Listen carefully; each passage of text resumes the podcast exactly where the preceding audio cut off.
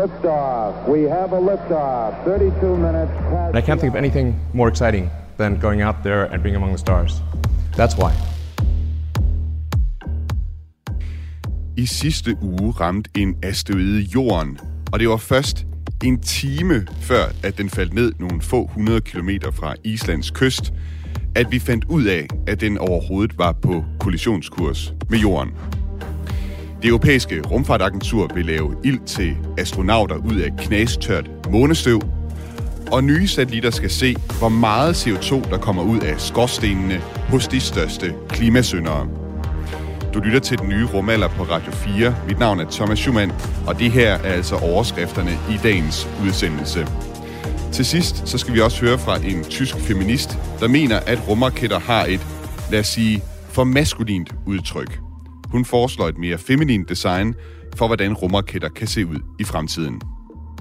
Som altid, så kan du sms ind undervejs i udsendelsen ved at skrive ind til nummeret 1424. Start din besked med R4 og et mellemrum, og så din besked. Skriv også gerne, hvad du hedder og hvorfra i landet du sender din besked.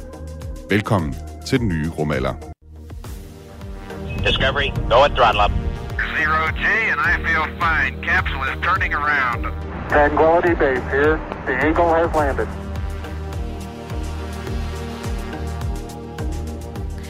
Fredag aften sad den ungarske astronom Christian Sarnecki og kiggede op på himlen med sit teleskop. Klokken var 1924, da han opdagede et klart og hurtigt objekt på himlen. En asteroide. Christian Sarnecki sendte sin opdagelse videre til andre astronomer, og de kom hurtigt frem til, at risikoen for, at asteroiden ville ramme jorden, kun var omkring 1%. Men da den ungarske astronom blev ved med at holde øje, og hans opfølgende observationer, øh, han blev ved med at, at lave opfølgende observationer, så så han, at altså, risikoen for, at denne asteroide vil ramme jorden, den ændrede sig drastisk. Klokken 20.24 viste beregningerne, at asteroiden vil ramme jorden med 100% sandsynlighed cirka en time senere. Heldigvis var asteroiden ifølge ESA kun omkring en meter stor. NASA de skriver så godt nok øh, to meter i deres artikel om den her asteroide, og asteroiden brændte altså fuldstændig op i jordens atmosfære. Men det her det er altså kun femte gang, at vi har været i stand til at finde en asteroide på kollisionskurs med jorden, før den ramte os. Line Drube, velkommen til den nye rumalder. Mm, tak skal du have. Du er projektkoordinator på DTU Space, og du har arbejdet meget med truslen for asteroider. Vi har haft dig med i programmet før, hvor vi også har talt om det her emne før. Hvad siger det om, hvor godt forberedte vi er på truslen for asteroider, at vi altså først sådan lidt tilfældigt øh, via en ungarsk øh, astronom finder ud af, at den her asteroide vil ramme jorden en time før det altså skete?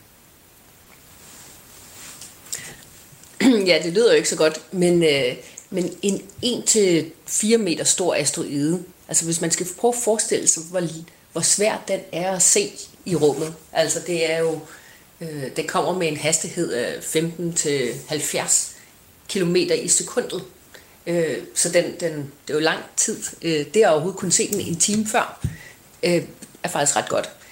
Men vi er ikke særlig bekymrede for de her helt små nogen. Som du også selv sagde, så brænder de jo op i atmosfæren. Så det vi gerne vil se, det er nogle af dem, der rent faktisk kan nå ned på overfladen og ramme jorden.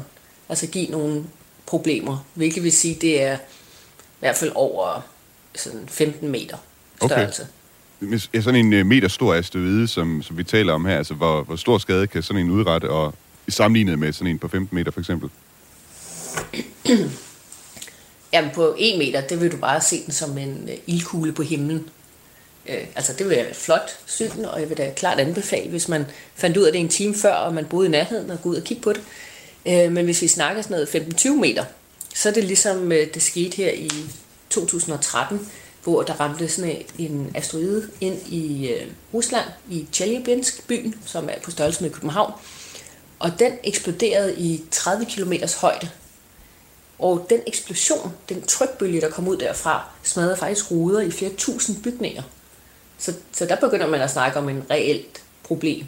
Altså, den ramte ned, det der, det der landede på jorden, det var kun et halvt ton, øh, og det landede ret stille og roligt, øh, på grund af luftmodstanden havde bremset det. Men øh, selve den der eksplosionen, og trykbølgen. Det var det, der gav problemerne. Og mange tusind røg faktisk på hospitalet med glasgro. Ja, og hvis sådan en den var trængt hele vejen ned gennem atmosfæren, altså så havde ødelæggelserne vel været endnu større. Ja, det afhænger faktisk også meget af, hvad for noget materiale den her asteroid er. Altså hvis det er en jernmeteorit, altså en stor jernklump, så er der faktisk en god chance for, at den kommer ned og lander på jorden, fordi den ikke når at brænde op i atmosfæren.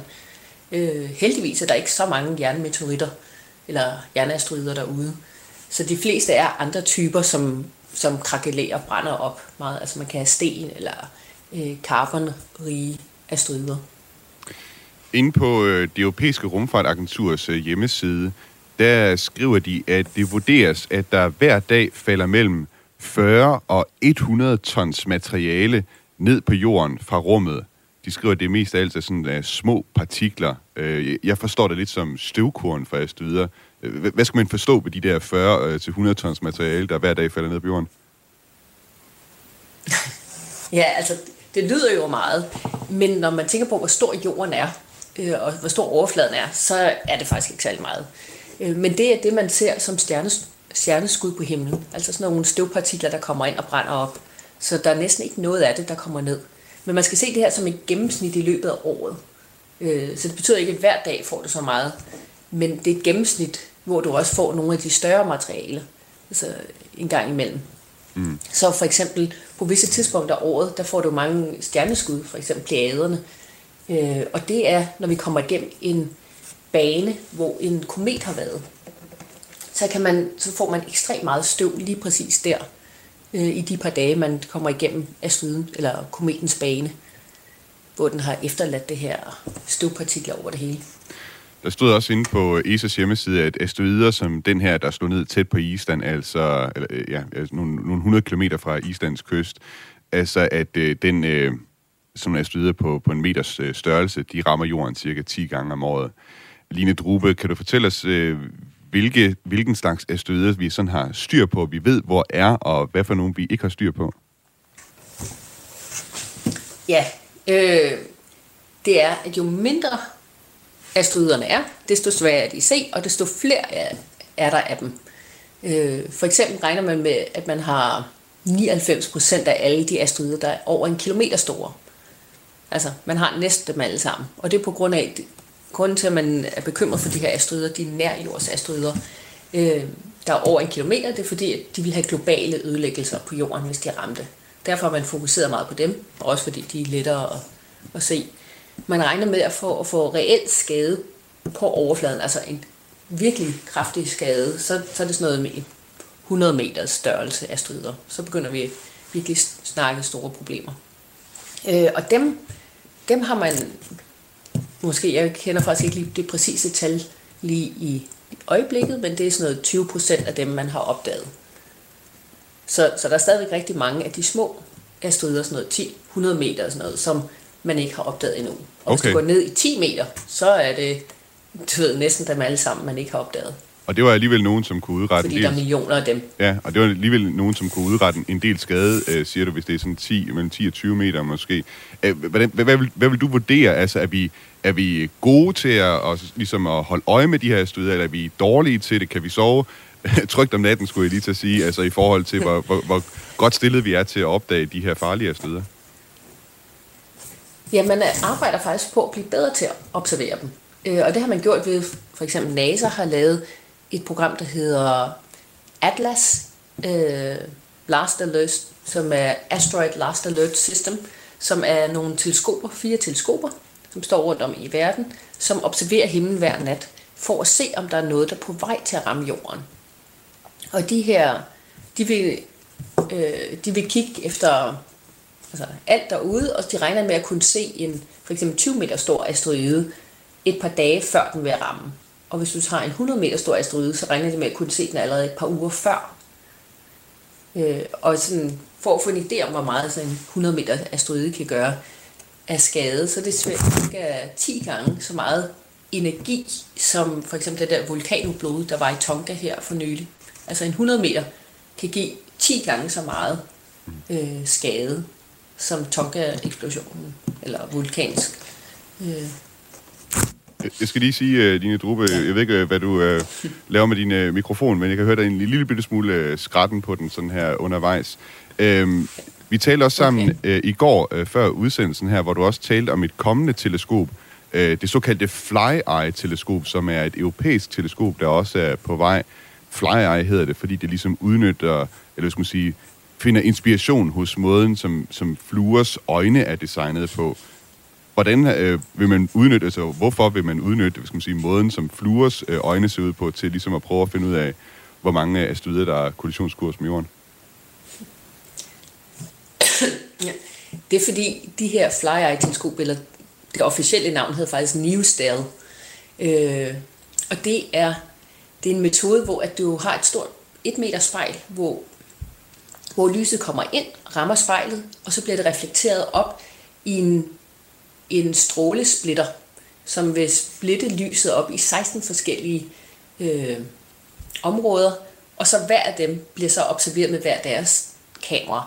Og det får at kunne observere en langt større del af himlen og få rigtig gode øh, kvalitetsbilleder derfra, så man altså splitter lyset op i 16 forskellige. Og det gør, at man kan observere på et, øh, et område af himlen, jeg tror, der er omkring 100, 100 gange større end en øh, månens diameter mm-hmm. hver gang. Og det vil sige, at du kan nå at observere himlen i løbet af en nat. Ja, hold op. Altså, og det er, en, det, er en, det er en ting, som vi... Øh, en egenskab, eller hvad skal man sige, en evne, som vi ikke har helt på den måde, eller som, som, som, som først øh, kommer, når vi har det her fly-eye-teleskop klar, eller hvad? Ja, det er, en, det er en helt anden måde at have teleskoper på. Normalt kigger du bare på et billede, men her, det her ved at splitte op i 16 forskellige, så kan du virkelig få en helt anden kvalitetsbillede. Øh, og, og grund til, at man snakker om flyer, det er fordi en, en flues øjne har mange forskellige øh, om, hvad hedder det, kameraagtigt, der, hvor man den så sammensætter billedet ud fra forskellige af de her ja, kameraer. Eller jeg kan sige i øvrigt, at uh, Fly, Fly-Eye-teleskopet her, det er altså ved at blive fremstillet i uh, Milano, og planen det er, at det skal placeres på et bjerg i Palermo, Palermo, undskyld, Palermo-provinsen i Italien selvfølgelig. ESA de regner med, at de kan begynde at teste det teleskop en gang i maj i 2023. Vi har faktisk også her på redaktionen skrevet med den ungarske astronom, som opdagede den her asteroide på cirka en meters øh, størrelse, altså Christian Sarnecki. Øhm, han er professor og astronom på øh, Konkolli-observatoriet i Budapest. Og vi spurgte ham, hvor begejstret han var, da han opdagede asteroiden her. Og her der er, hvad han øh, svarede os på mail. I rather received it in disbelief. I dreamed about this a lot, but I didn't think it would ever happen to me. This is probably a once in a lifetime of an asteroid hunter. Line Drube, hvor heldig vil du sige, at øh, Christian Sarnecki var, øh, da han indfangede den her asteroide så tæt på jorden i sit teleskop? Ja, det var utrolig imponerende. Også det, at han har kunnet lave billederne, fordi at den her bevæger, begynder at bevæge sig meget hurtigere øh, på himlen, end hvad man ellers observerer. Så, så det har været meget imponerende. Og som sagt er der kun sket øh, fire gange, eller fire-fem gange før, at man har observeret før nedslaget. Det kommer der til at være meget ændring på med de her Atlas og FlyEye-teleskoperne. Øh, så forhåbentlig kommer det til at ske meget oftere, at man observerer det før. Men, øh, men for at en, øh, en enkelt person, der bare står derude tilfældigvis og observerer, at han fanger det, det er ret imponerende. Mm. Den øh, britiske avis øh, The Daily Mail, de lavede også en artikel på historien her om asteroiden, der slog, tæt, slog ned tæt ved Island. Øh, avisen de kørte med den her overskrift. Asteroid half the size of a giraffe strikes Earth off the coast of Iceland. Altså en asteroide på øh, størrelse med, med en halv giraf øh, slår ned øh, tæt på, eller ude for kysten for Island, er altså oversættelsen af den her art, øh, artikel.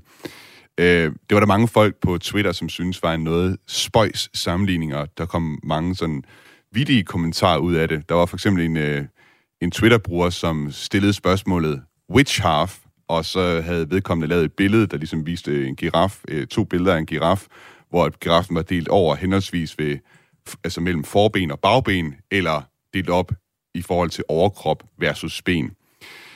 Så er der også en øh, bruger, der skrev, Asteroid 146 the size of an average house cat strikes Earth off the coast of Iceland.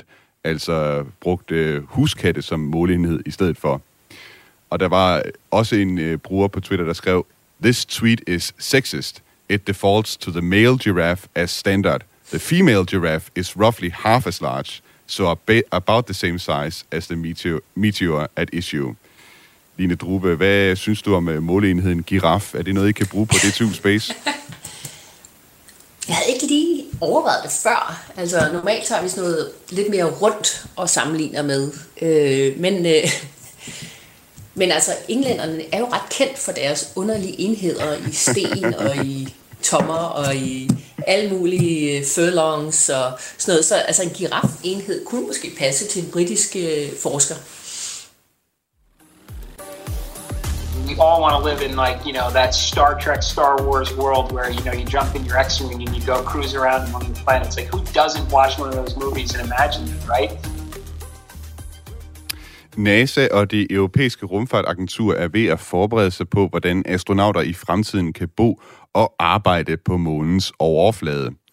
Der er langt til månen, og det kræver en masse raketbrændstof at sende astronauterne afsted med deres udstyr, månelandingsfartøjer, deres mad og drikke, og så ikke mindst den luft, som de også skal trække vejret i. Men hvad nu, hvis man kunne finde nogle af de her ting på månen? Den britiske rumfartvirksomhed Thales Alenia Space har vundet en kontrakt hos det europæiske rumfartagentur om at lave udstyr, som skal vise, om vi simpelthen kan lave ilt ud af månestøv. Line Drube, projektkoordinator på DTU Space. Det lyder jo lidt som magi, det her. Er det et realistisk projekt, altså at lave ilt ud af månestøv? Nå, ja, ja. Ja, altså det er ikke så svært. Okay. Øh, det kræver bare meget øh, strøm. Altså man har, jeg tror der er publiceret over 20 forskellige metoder til at, at få, øh, få ilt ud af, ud af regolit, altså jorden eller månens støv, ikke? Okay, det lyder helt nonchalant, at det selvfølgelig, det kunne man godt. Nå, ja, det, det har man snakket om længe, og, og faktisk meget af regolitten, jeg tror det er cirka 45 procent af regolitten er oxygen. Mm. Så, så altså, der er meget af det. Okay. Og, og nu er der så en øh, virksomhed her, som har fået den her opgave, øh, og hvad skal man sige, det ligger jo som i forberedelse til, at man engang vil sende øh, mennesker øh, op til månen. Hvorfor er ilt en øh, vigtig ressource at kunne have på månen? Jamen, det kan bruges til forskellige ting. Altså, en ting er, at du kan ånde det. Så hvis du skal have astronauter derop, øh, så skal du bruge oxygen. Du kan også lave det op til vand, altså ved at tage det sammen med øh, brint. Men så kan man også bruge det til raketbrændstof, altså hvor du kan have brint øh, og hydrogen sat sammen til at... Altså faktisk det, at man har et materiale eller et gas, som oxiderer, gør, at hvis du skal producere forskellige ting op i rummet, så skal du bruge øh, oxygen. Så hvis vi skal have den her månebase, som mange snakker om, så, så er oxygenfabrikation øh, en meget, meget vigtig mm. del af det. Virksomheden uh, Thales Alenia Space, de håber, at de kan teste den her prototype uh, på månen om 3-4 år. Altså den her prototype, som de har fået en uh, kontrakt med det europæiske rumfartagentur om at, at udvikle. Jeg talte med Roger Ward, der er teknologidirektør hos Thales, Thales Alenia Space, om den her prototype, som altså skal lave ilt ud af månestøv. It's about the same size and shape as a microwave, essentially.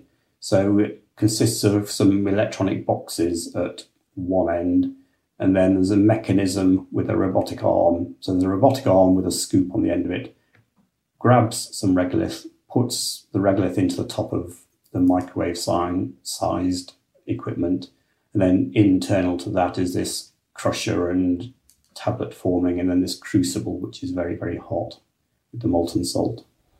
So it's pretty much a microwave sized piece of equipment at the moment. And tell me, how do you go about producing oxygen on the moon? Okay, so the process that we're using is a process that's developed terrestrially for extracting titanium from uh, metal oxide. So, in that process on the ground, which is used for extracting titanium for 3D printing purposes, one of the byproducts is oxygen. So, what we're doing is just sort of turning that process around to capture the oxygen rather than the metal. So what we do is we scoop up lunar regolith, lunar rock, which is a particular metal oxide. And then what we have to do with that scoop's worth of metal oxide is crush it so that it's a consistent sort of size once we've crushed it, we then form it, press it into sort of tablets, which are fed into the rest of the machine. And what that's doing is that's melting or got molten salt at about 600 degrees centigrade in a crucible. So if we put these pellets of regolith into this molten salt, we can then perform electrolysis on that, and that electrolysis releases oxygen, which we will then capture and store and then can be used in future activities. Okay. And that has simply something to do with the regolith, the moon dust, so to speak, that it is, there's a lot of oxygen in it that can be released in this way. Yes, exactly. So by going through this whole process, we can release the oxygen, which forms the oxide within these within the lunar regolith. Ja, det var altså Roger Ward, jeg talte med her fra Thales Alenia Space, og det han fortalte mig, det var, at det her, den her prototype, som de er ved at udvikle, den er cirka på størrelse med en øh, mikrobølgeovn. Øh, den kommer til at have sådan en øh, lille arm, der kan samle noget månestøv op, og så hælde det ned i den her, det her apparat, og så bliver månestøvet altså presset sammen og varmet op til omkring 600 grader, og ved hjælp af elektrolyse kan man altså udvinde det her øh, oxygen øh, fra månestødet. Det er sådan lidt den samme proces, som der i virkeligheden bliver lavet hernede på jorden, hvor man udvinder øh, titanium, øh, bare sådan øh, i baglæns øh, form i virkeligheden. Øh, Line Drube, nu øh, taler vi jo her om øh, månestøv, også det, som vi kalder regolit. Øh, og, og hvis man bruger ordet månestøv, så kan man få det indtryk, at det måske er lidt det samme støv, som man finder derhjemme på kommoden. Men, men hvad er månestøv egentlig for noget? Ja, der, månestøv er noget ganske andet end øh, nede på jorden. Altså jorden, det støv, du har herhjemme, det er sådan noget sand og øh, forskellige materialer udefra. Plus, hvis du tager det hjemmefra, så er det også øh, dine egne hudpartikler. Øh, Øh, men det, man har på, på månen, der har, det er jo bare egentlig øh, klippestykker, som er blevet mekanisk blevet mindre og mindre og mindre. Altså hvor du sådan grinder det øh, på grund af, øh, hvordan måneoverfladen er. Øh, der får du, altså månens overflade, den bliver bombarderet både med stråling, men også med mikrometeoritter. Altså ligesom du, vi snakkede om i det tidligere indslag med 40 til, til 100 tons af materiale hver dag. Overfladen på månen bliver bombarderet med det her, fordi det ikke har, månen ikke har en atmosfære. Mm. Så derfor rammer alle de her partikler overfladen, og det gør, at, at øh, støvet bliver sådan, hvis du kigger i et mikroskop, er det meget, meget skarpe kanter, øh, og det har, og det er sådan en, ja, ja det er en, øh, det er, det er, altså på grund af de skarpe kanter, hvis du så trækker vejret, så snakker de om, astronauterne, der var deroppe, at det lugtede lidt som øh, krudt, krudtstøv. Okay. Altså det er sådan en ja. lugt af det. Øh, og de havde også de problemer, at øh, efter sådan en, øh, havde været derude, at de faktisk fik øh, sådan næsen, altså sådan en lidt ligesom høfeber, sådan ondt i hals, sådan, når øjnene gjorde ondt, og altså kløede. Og, øh, og, og man har faktisk fundet ud af, at det er virkelig øh, nogle skrappe sager deroppe, som, og derfor har man undersøgt, øh, lavet meget forskning i, hvad så man gør, fordi at det kan have langtidseffekter, hvis astronauterne, der er træ, altså får det ind for længe, Ja. i stedet for bare de der par dage, som Apollo-missionerne var. Så udover at være en ressource, så kan der altså også være nogle problemer med det her månestøv. Uh, Line Drue, vi har fået en, uh, et spørgsmål fra en uh, lytter, der hedder Ina. Hun skriver fra København, og hun skriver ind til Radio 4 her. Hejsa, de siger, at den 2 tons tunge rumstation ISS kan styre ned på jorden. Er det farligt? Øh, og der skal man måske lige sige til at starte med, at rumstationen er noget tungere end, den, øh, end bare 2 tons. Men øh, sådan helt kort, Drube, er det farligt for os hernede på jorden, hvis den styrter ned? Det er det helt bestemt. Øh, og grund til spørgsmålet er kommet op, er jo nok fordi, at Rusland, som er en del af den internationale rumstation, mm. de er dem, der står for selve raketterne på rumstationen. Mm. Og de har sagt, at hvis de ikke kan få, hvis man laver et portforbud Ja. mod, at de kan få de dele, de har behov for, så kan, de, kan den styrte ned.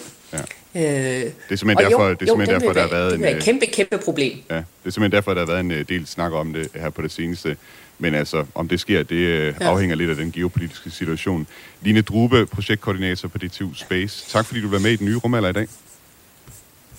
Ja, selv tak. Og om lidt skal vi høre om nye klimasatellitter og en feministgruppe, som vil have et anderledes rumskib. Men først så skal vi have en omgang nyheder her på Radio 4. Tranquility Base here. The Eagle has landed. I believe our future depends powerfully on how well we understand this cosmos in which we float like a mote of dust in the morning sky. Vi bliver ved med at lukke enorme mængder koldioxid ud i atmosfæren, selvom der altså stadig er voldsommere og voldsommere oversvømmelser og stadig flere skovbrænde hernede på jorden. Satellitter i rummet forsøger at holde øje med, hvor mange drivhusgasser, der udledes i vores atmosfære, men vi er faktisk ikke så gode til at stille skarp på, hvor meget de enkelte fabrikker og kraftværker udleder af CO2 og metan. Det skal en kommende europæisk satellit lave om på. Du lytter til den nye rumalder på Radio 4. Mit navn er Thomas Schumann, og senere der skal vi også høre fra en tysk feministgruppe, som har taget et opgør med rumraketternes meget falliske design. Vi har fået en uh, sms fra vores lytter Claus, der skriver, hvilke sjældne jordarter findes der på månen? Er der fundet samarium? Det spørgsmål kan være, at jeg tager videre til min uh, næste gæst i programmet her. Jeg ved, der er sådan noget som helium-3 på, øh, på månen i hvert fald, som kunne bruges i fusionsreaktorer, men det er også øh, så meget viden, jeg har om det, Claus, og jeg ved ikke, om det går som en sjælden jordart. Du kan som altid sms ind undervejs øh, i udsendelsen. Skriv ind til 1424. Start din besked med R4 i et mellemrum, og skriv også gerne, hvad du hedder og hvorfra i landet du sender din besked. Houston Discovery, go ahead. Discovery, go at throttle up. In Discovery Houston, we've got a good picture of Steve. Roger roll, Discovery.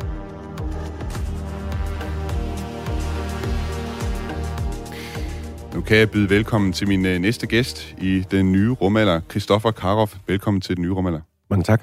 Du er lektor på Aarhus Universitets Institut for Fysik og Astronomi, og vi skal jo egentlig tale om de her klimasatellitter, men nu havde vi en sms fra vores øh, lytter Claus her, som gerne vil vide noget om sjældne jordarter på øh, månen, og øh, den prøver jeg bare at kaste over til dig og se, hvordan, øh, om du kan svare på den. Jo, jo, tak. Og, jeg, og øh, jeg bliver også svar skyldig der. Jeg okay. er ikke helt opdateret på, om der findes marium på, på månen. Men generelt kan man sige, der findes de, selv, de samme øh, grundstoffer, som findes øh, på jorden, i cirka de, de samme forhold. Altså, mm. øh, vi forventer sådan set, at meget af jordoverfladen er skabt, øh, da månen også øh, blev skabt. Øh, man kan sige, at mange af de sjældne jorder, der findes sådan lige ved overfladen, har vi jo øh, øh, fundet op og ved, ved hjælp af minedrift og brugt. Øh, så derfor mangler de på jordens overflade. Men de kommer jo så over lange tidsskaler kommer de op med vulkansk aktivitet mm. osv. Det gør de ikke på månen. Jeg, jeg har hørt en ting også om øh, for eksempel asteroider for eksempel, øh, og sådan mindre himmellegemer, at fordi at der ikke er lige så meget tyngdekraft, altså så skal man ikke, man skal ikke så langt ned for at finde de her tunge, øh, tunge grundstoffer for eksempel. Det er rigtigt. Lige ja. præcis. Asteroider har du nogen, hvor, hvor de lette grundstoffer er blevet blæst af, så, ja. så du har, har en øh, hvad hedder, ophobning af de tunge grundstoffer. Så det, det kan blive anderledes interessant at lave minedrift på dem. Claus, øh, en eller anden dag, så laver vi et større udsendelse om øh, de sjældne jordarter på månen og andre steder i, øh, i solsystemet. Øh, men øh, Kristoffer, vi skal tale om nogle af de her klimasatellitter, som lige nu er på øh, tegnebrættet hos EU og det europæiske rumfartagentur ESA i det jordobservationsprogram, som hedder Copernicus.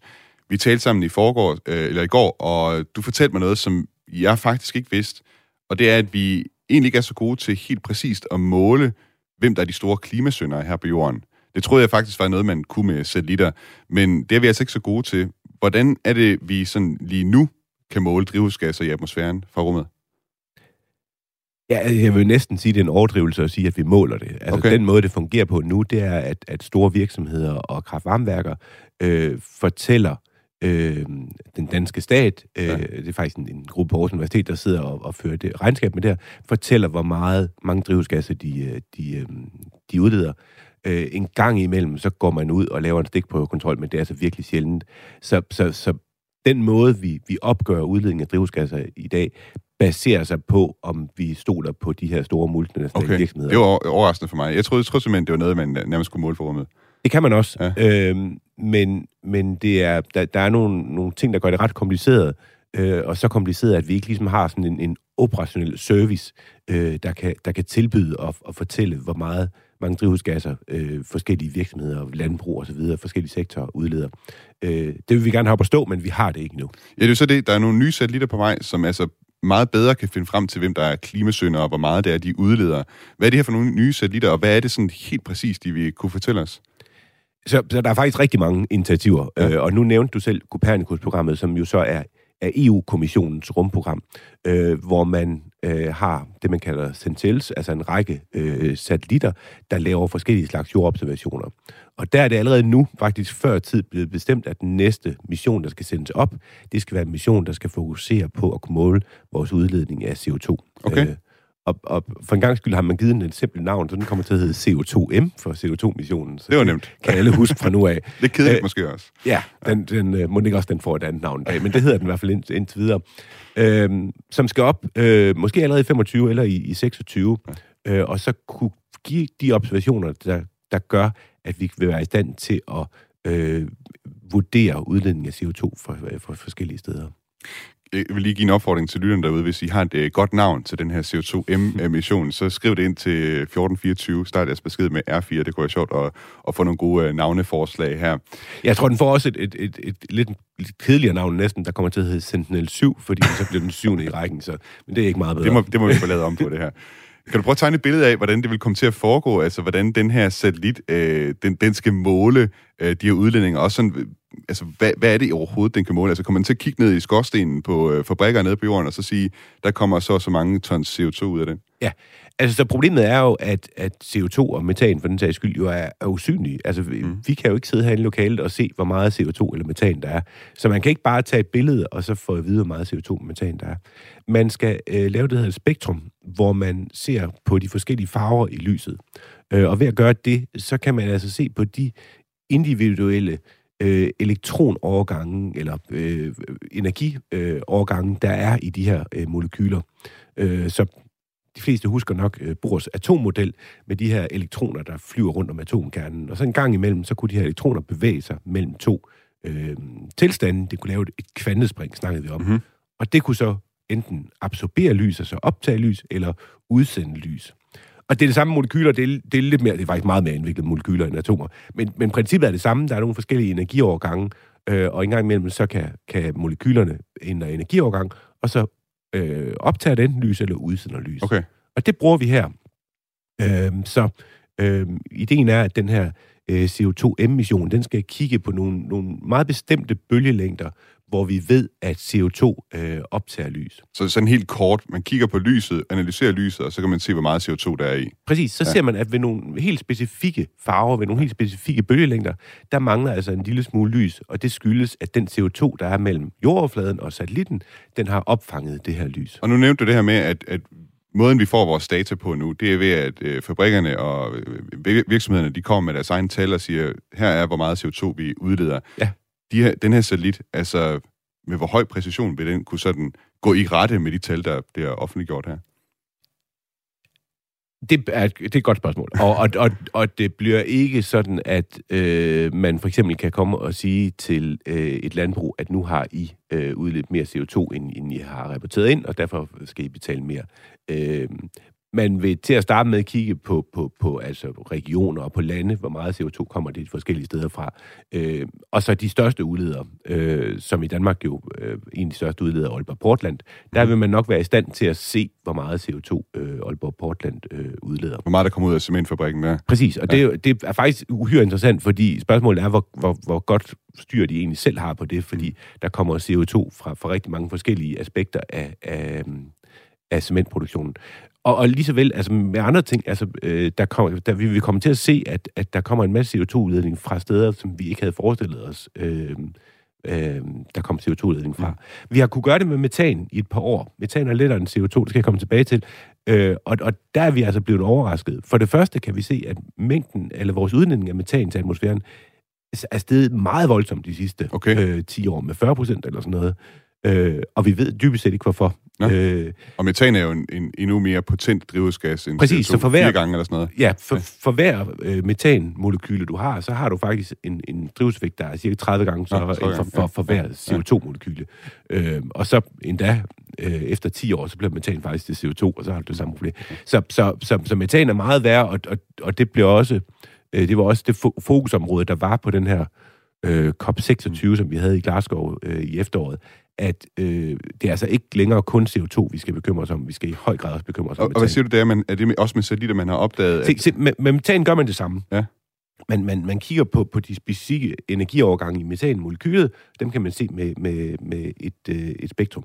Mm. Så har man fået målt koncentrationen i atmosfæren mellem satellitten og jordoverfladen. Mm. Men det er jo sådan set ikke det, man er interesseret i. Man er interesseret i at finde ud af, hvor meget metan eller CO2 udleder vi.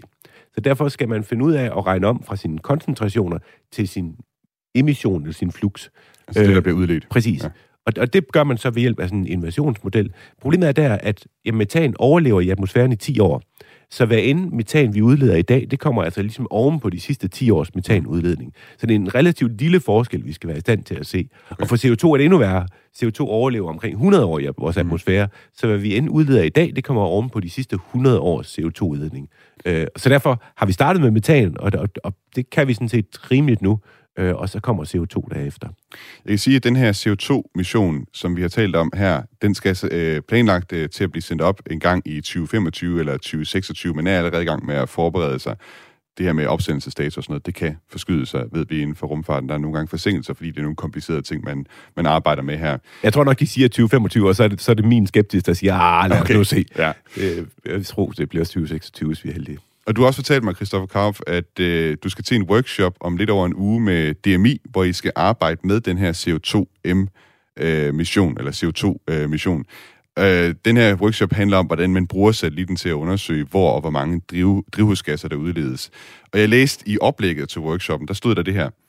There is, however, currently a lack of knowledge and competences in Denmark to support the national emi- emission assessments based on the new service and advise Danish polymakers about their relevance and usability for meeting national reduction targets. Altså sådan opsummeret, vi mangler kompetencer her i Danmark og viden i forhold til at bruge en satellit som CO2M, så vi kan forstå vores egne udled- udledninger og rådgive politikerne om, hvad de skal stille op. Hvad er det for nogle kompetencer og viden, vi mangler her i Så Danmark? det var det, var det jeg var inde på før, at, at det her med at skulle tage skridtet fra, at vi har målt en koncentration i atmosfæren, til at bestemme en, en, en udledning af, af CO2 eller metan, øh, det kræver, øh, at man kan køre nogle relativt komplicerede øh, vejr- og klimamodeller, og at man så kan invertere dem. Det vil sige, at man, man kan ikke bare sige, nu, nu fortæller jeg dig, hvor meget CO2 og metan der bliver udledt hver sted. Man skal ligesom have noget at starte ud fra. Så vi er nødt til at kunne sige, her kunne metanen komme fra, her kunne CO2 og så videre komme fra. Og så derfor skal vi, der er mange ting, der skal spille sammen for at lave det her. Vi skal have satellitobservationerne, dem er vi ved at få. Så skal vi have kompetencer i modellering, og så skal vi sørge for, at vi har nogle jordbaserede data også, som vi kan bruge. Altså ligesom have et, et, et startpunkt for, hvem udleder hvor meget øh, CO2 og metan. Og der har vi en rigtig god situation i Danmark, fordi vi er rigtig gode til at holde styr på de her ting. Mm. Men, men, men lige nu har vi bare ikke fået koblet tingene sammen, og det er det, vi skal til hul på at gøre på den her workshop. Det er det, I håber på på workshoppen. Ja. Vi har fået øh, nogle sms'er her fra vores øh, lytter Jens, Jens fra Nykøbing Falster, der skriver, al den omtalte CO2 har slet ikke den betydning, som man tror. Det grønne bliver større og mere tæt og skygger for den en del af opvarmning. Solens intensitet ændrer sig også, og det er der, al varmen kommer fra, så det må have en betydning. Altså Jens her, han siger, at der er dels en effekt af, at med mere CO2 i atmosfæren, så er der også sådan forstår jeg i hvert fald hans sms, så er der øh, flere planter, fordi de, de, de, de bruger CO2 til at vokse, ikke? Og så er der også øh, solens intensitet, som ændrer sig her. Jeg ved ikke, om du har en kommentar til det, Christoffer? Jamen, at, at, at det, det er helt rigtigt, at øh, vores klimasystem består af mange komponenter. Øh, det, jeg tror, det Jens omtalte, det er den her albedo-effekt mm. med, øh, hvor meget øh, reflekterer en given overflade. Øh, og af, af, af solen også, at den, øh, den ændrer sig. Det har vi set med, med nordlys for nylig her i Danmark. Øh, og så med, med, med de her drivhusgasser. Øh, og der er aspekter af det, vi ikke øh, har forstået, og det er derfor, vi skal have nogle missioner som den her, der kan hjælpe os med at forstå de her sammenhænge i endnu større detaljer. Mm. Derudover, så når vi finder ud af, hvor meget for eksempel en landmand eller en virksomhed udleder af, af, af CO2, så kan vi også bruge det til at, at ligesom pege på, hvem er det, der skal gøre en indsats her. Og det kan også bruges som et redskab i den her CO2-beskatning, som, som den danske regering jo har valgt, at vi skal have indført. Mm. Vi har også en, øh, Jensen skriver ind, øh, er GomSpace, altså den danske virksomhed, der laver satellitter op i øh, Aalborg, øh, er GomSpace ikke kompetente på det der område? Man kan sige, i forhold til, til den her øh, øh, CO2-emission, øh, vil det blive en, en, en rigtig stor mission. Så det vil blive sådan en satellit på størrelse med en lille lastbil. Okay. Øh, og det er ikke det segment, som Gomspace arbejder inden for. De arbejder inden for det her helt, øh, de her små CubeSat, de små satellitter. Øh, så, så der forestiller mig ikke, de vil byde ind på. Therma kunne være nogen, der byder ind i stedet for. Mm. Men der er også et, et, et arbejde, der foregår andre steder øh, end, end i, hos EU-kommissionen i forhold til at lave missioner for, inden for det her. Så i Kalifornien har man startet noget, der hedder øh, Carbon Mapper, øh, som ledes af et, et virksomhed, der hedder Planet, øh, mm. som sender sådan nogle, øh, netop de her små øh, CubeSats op, der indtil nu har leveret billeder af jordoverfladen, men de går altså også i gang med at lave små satellitter, der skal kunne monitorere okay. vores udledning af det er så kulstof, som både metan og CO2 jo altså består af. Interessant. Vi har også uh, nogle lytter, som er kommet med nogle og, lige hvorfor, ja. og, og i den forbindelse, der, jeg kan ikke andet forestille mig, at Gomspace vil få nogle kontrakter i forhold til den her Carbon Mapper-mission, som bliver en, en, en flåde af satellitter. Ja, det kunne være, vi kunne høre dem om det på et tidspunkt. Ja. Uh, vi har også fået uh, nogle forslag fra lytterne til, hvad den her mission den så skulle hedde. Det lyder, det lyder glæder mig til. Ina fra København, København skriver, Hejsa, hvad med navnet Vision 7? Fordi det var Sentinel 7 ja. fra. Jeg synes egentlig, det er bare et godt uh, navn. Så har vi også Claus, der skriver, CO2M skal hedde Krux, altså som i Sydkorset, opkaldt, altså opkaldt efter det stjernebillede, hvor kulsækken findes i. Alternativt Crucis med samme ophav. Ja, altså jeg er nok bange for, at jeg må skuffe dem og sige, så, så god navn bliver det ikke. Man har utrolig konservativt, når man skal navngive satellitter. Der skal, der skal ske noget meget, meget stort lobbyarbejde, ja. hvis vi skal overbevise uh, ISA om det. Think we need to do a little more all-weather testing. Amen.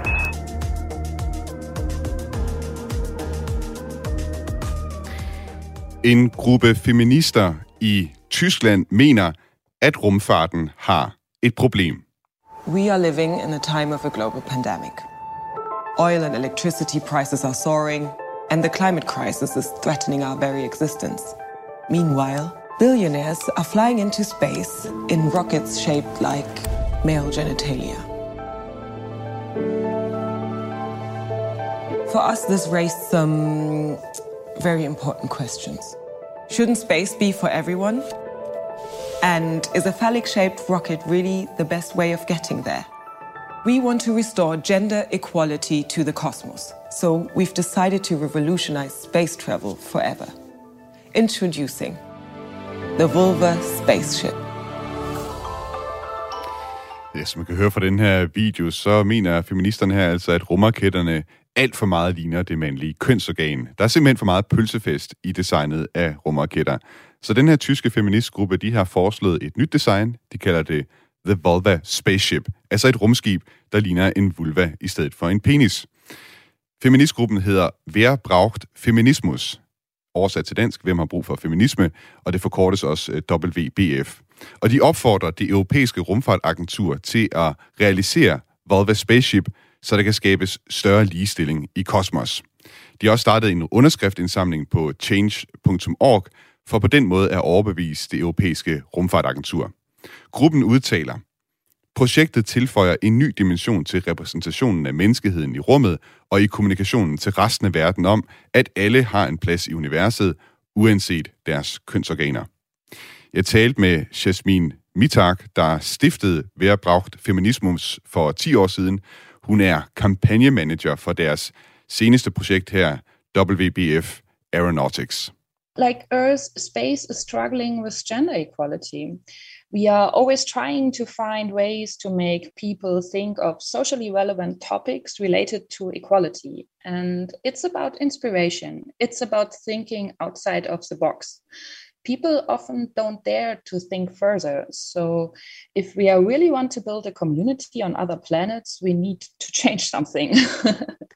okay, and uh, you know, a lot of people in the space flight community, they're very much uh, concerned or very interested in performance when new uh, vehicles are presented. Can you tell us about the performance? How many tons of cargo the Volvo spaceship can carry to a low Earth orbit? How big of a crew it can carry, and is it uh, reusable or not?